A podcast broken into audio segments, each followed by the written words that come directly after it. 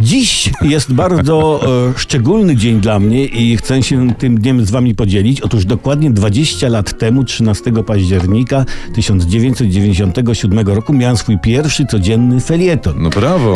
Historycy, hodowcy pieczarek czy z Duni z Mazur podają dwie różne daty, 12 lub 13 października. Rozjaśniam. 12 wieczorem pierwszy felieton codzienny został napisany, 13 rano wygłoszony. Czyli obchodzę dzisiaj 20-lecie felietonów. Średnio rocznie mam w RMF FM 200 felietonów, czyli mam już ich 4000. I tak, gdyby literki ze wszystkich tych felietonów ustawić jedna na drugiej, zakładając, że jakiś szaleniec podjąłby się tego zadania z Kowron, to powstałby taki sznurek z liter sięgający no, do, dość wysoko i on by tak dyndał.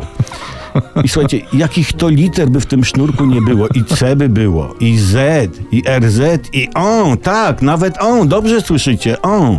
A gdyby te litery ułożyć jedna za drugą, to powstałby sznur liter takiej samej długości, jak ten pnący się w górę i dyndający, tylko by leżał. Uważam, że łatwiej jest układać literki jedna za drugą, niż ustawiać jedna na drugiej, bo jak się ustawia, to konstrukcja może się w każdej chwili zawalić. Dobrze, 20 lat to dużo. A już teraz zapraszam na felieton z okazji 25-lecia, w którym przeprowadzę przez ulicę interesujący wywiad z samym sobą. I gdybym miał te 20 lat podsumować, to bym powiedział, ożeż ty w mordę. No, nie wypada mi tego słuchać, co napisałem o sobie, a co dopiero czytać, no ale uważam, że jestem imponujący. Tak, imponujący. Fałszywie skromny będę jutro. Dziś świętuję, czego serdecznie sobie życzę oraz zdrowia.